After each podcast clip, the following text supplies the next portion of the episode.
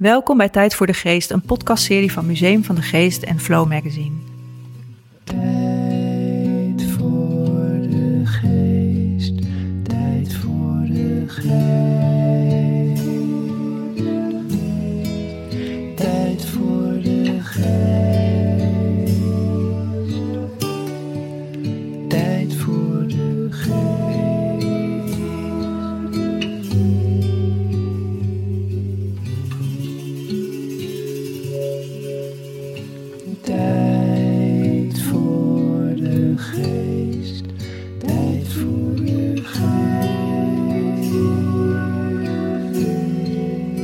Mijn naam is Karine Hoenderdos, ik ben journalist en host van de podcast Tijd voor de Geest. In Flow delen we verhalen over andere keuzes maken, over creativiteit, klein geluk, langzamer leven en over hoe je goed voor je geest kunt zorgen. In deze serie Tijd voor de Geest luisterverhalen lees ik er een aantal aan je voor. Dit verhaal heet Ondertussen op de Camino en is geschreven door Annemiek Leclerc. Ze ging na een aantal zware jaren op pelgrimstocht en wandelde met haar verdriet naar het einde van de wereld. Hier komt het verhaal.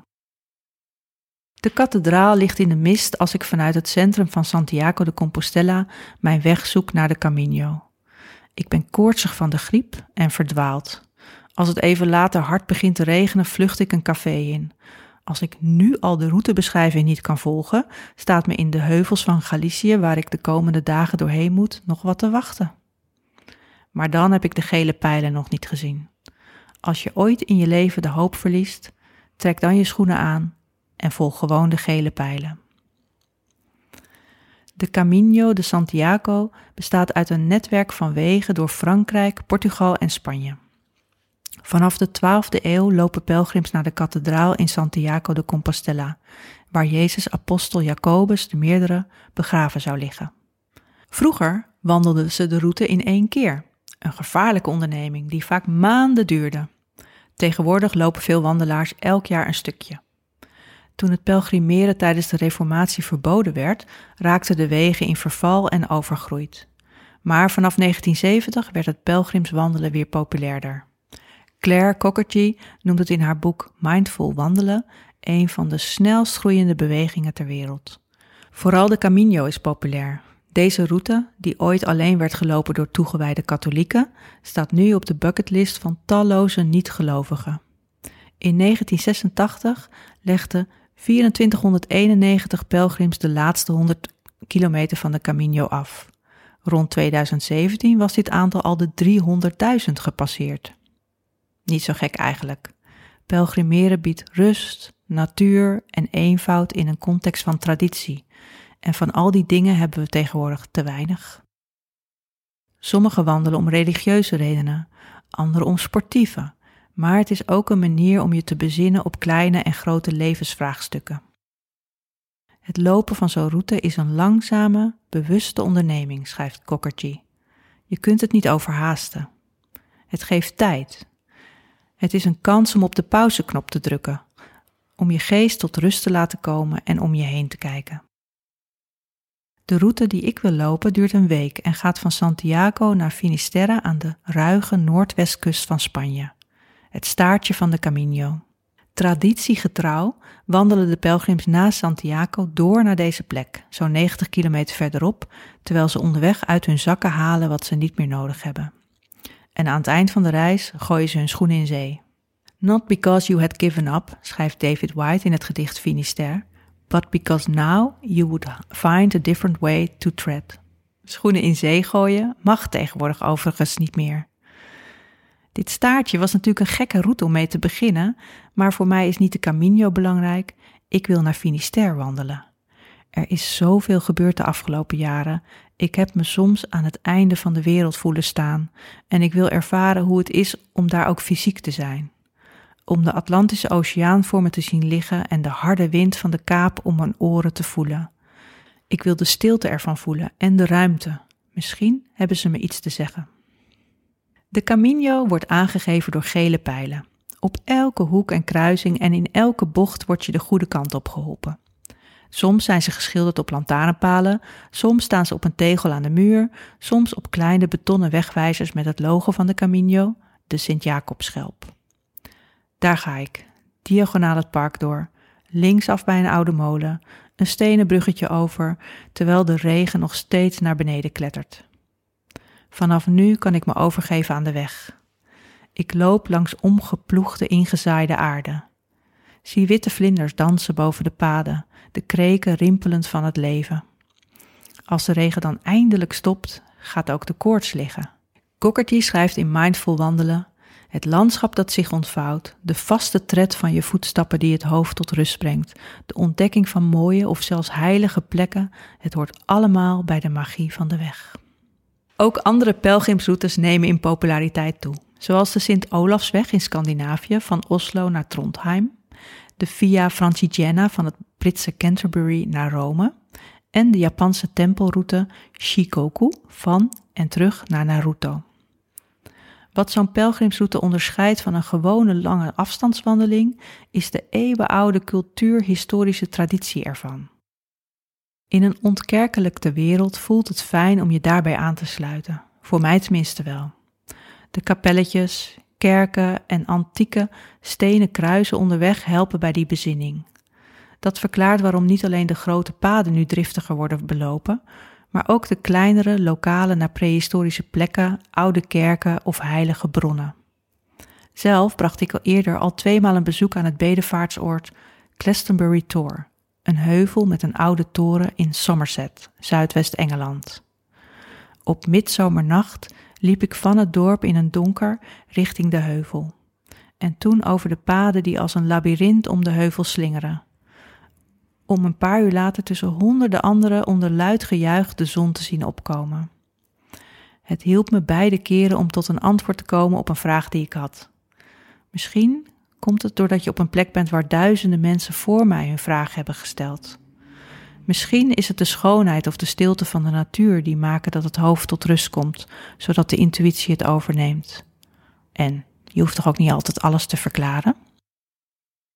De Amerikaanse filosoof Jesse Prince noemt verwondering, iets voor het eerst zien, iets nieuws zien, waarvan in je geheugen nog geen beeld of verklaring bestaat, een van de belangrijkste menselijke emoties. Religieuze gebouwen, rituelen, maar ook indrukwekkende natuur kunnen onze zintuigen betoveren op manieren die verbijsterend en overweldigend zijn, schrijft hij in het tijdschrift Eon.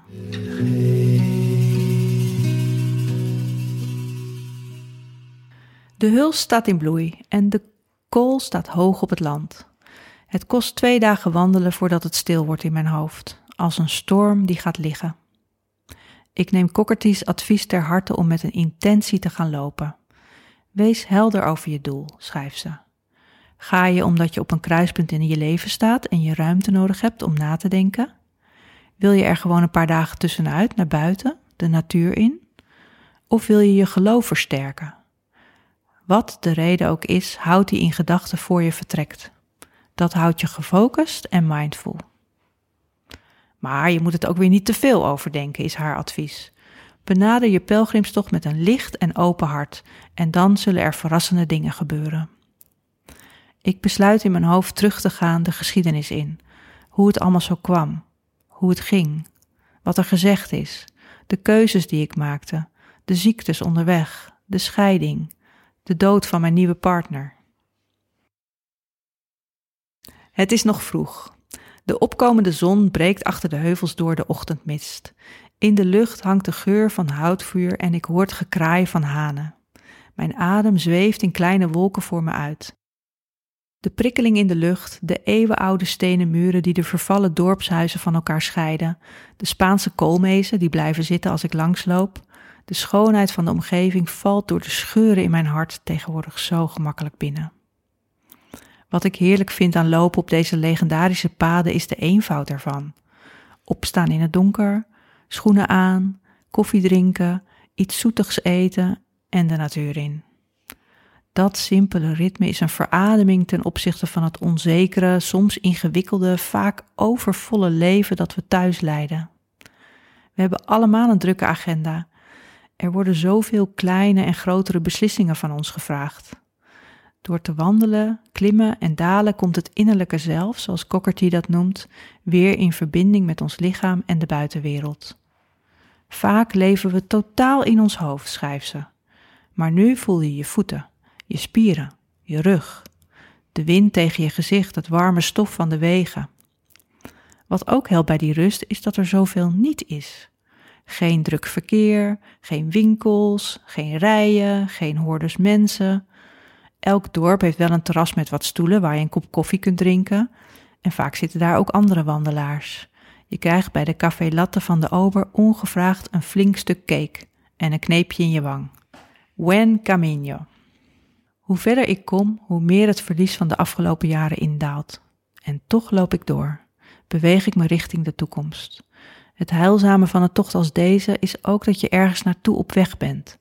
Al brengt elke stap me dichter bij het verdriet, al schud ik bij elke stap mijn hoofd in ongeloof over wat zich voltrok, toch kom ik straks gewoon aan in de herberg van bestemming. Ik kan er in de zon een biertje drinken, het stof van me afspoelen en het pelgrimsmenu van de dag eten. Thuis ben ik tot na middernacht op. Hier slaap ik al om half tien s'avonds. Ik ga zelfs zo op in mijn omgeving dat als een jongen aan de tafel naast me vraagt waar ik die ochtend vertrokken ben, ik op mijn planning moet kijken om me het dorpje te herinneren. Ha, hij herkent dat, zegt hij. Zelf is hij zes weken geleden uit Minneapolis vertrokken met de vraag of hij zijn leven in een laboratorium wil slijten. Hij is wetenschapper, maar wil hij zo jong tussen de vier muren van een onderzoeksruimte blijven de komende jaren? En ja, tot zijn verrassing kwam hij ergens tijdens die zes weken, zijn linkerbeen inmiddels in rekverband, tot de conclusie van wel. Na 800 kilometer, zegt hij, heeft hij rust gevonden in de gedachte dat dat zijn weg is. Het is een van de weinige gesprekken die ik voer. Op dit stukje van de Camino praten de wandelaars niet veel met elkaar. Ze zijn vaak al een tijdje onderweg, hebben veel mensen ontmoet, zijn moe. Sommigen bereiken mank, strompelend, met verband om en op krukken de kaap. Verdwalen, indalen, afdalen, dat is de beweging. Hoe meer ik het verdriet een kans geef, hoe groter de vrede wordt. Op de ene laatste dag loop ik langs glooiende velden richting de zee. De dauw ligt nog op de struiken. De zon verlicht de bovenste heuvels. Verderop een hinnikend paardje. Op het pad een enkeling met een rugzak die me een knikje geeft. Buen camino. Het is goed zo, denk ik. Het is nooit de bedoeling geweest dat het anders zou gaan. Wandelaars leggen stenen of andere kleine voorwerpen op de camino-paaltjes onderweg. Ook ik leg voor iedereen thuis aan wie ik denk iets neer. Een paars bloemetje, een kleine steen, een stevige steen, een tarwehalm. Dat het je goed mag gaan, zeg ik erbij. Dat je echt mag leven. Er is een verschil tussen een toerist en een pelgrim, schrijft Maggie Dawn in haar boek The Accidental Pilgrim. Een toerist reist to get away from it all en keert dan terug naar dezelfde realiteit. Een pelgrim wordt getransformeerd door de ervaring en keert als een ander mens naar huis. Op de laatste dag bereik ik de wijdse baai van Finisterre. In de schuren van gekleurde huizen aan het weggetje naar boven hangen uien te drogen. Mensen slepen met boodschappen, de deuren staan open, honden scharrelen in en uit. De laatste paar kilometers voelen alsof ik tegelijk naar een einde en een nieuw begin wandel. De kaap komt in zicht. De wind buldert. Ik loop om de vuurtoren heen en klauter de kliffen op. Ik zit er urenlang, mijn rug in de holte van twee stenen. Alles wat hier nog groeit kan tegen een stootje. Verderop breken de stralen van de zon door het wolkendek en verlichten de oneindige oceaan. Dit is wat het leven is, denk ik. Met je rug naar het land staan en met je gezicht naar het onbekende de wind om je oren. Tijd voor de geest. Je luistert naar Tijd voor de Geest, een podcast van Museum van de Geest en Flow Magazine. De producer is Jonne Seriese en de tune is van Spinvis. Wil je meer weten over het museum, over deze podcast of over Flow Magazine? Bezoek dan museumvandegeest.nl of flowmagazine.nl. Abonneer je op deze podcast, bijvoorbeeld bij iTunes, en laat een review achter. Of deel deze podcast met vrienden en familie, zodat zij ook eens tijd maken voor hun geest. Dit was het laatste deel van de serie Tijd voor de Geest luisterverhalen. Tot snel.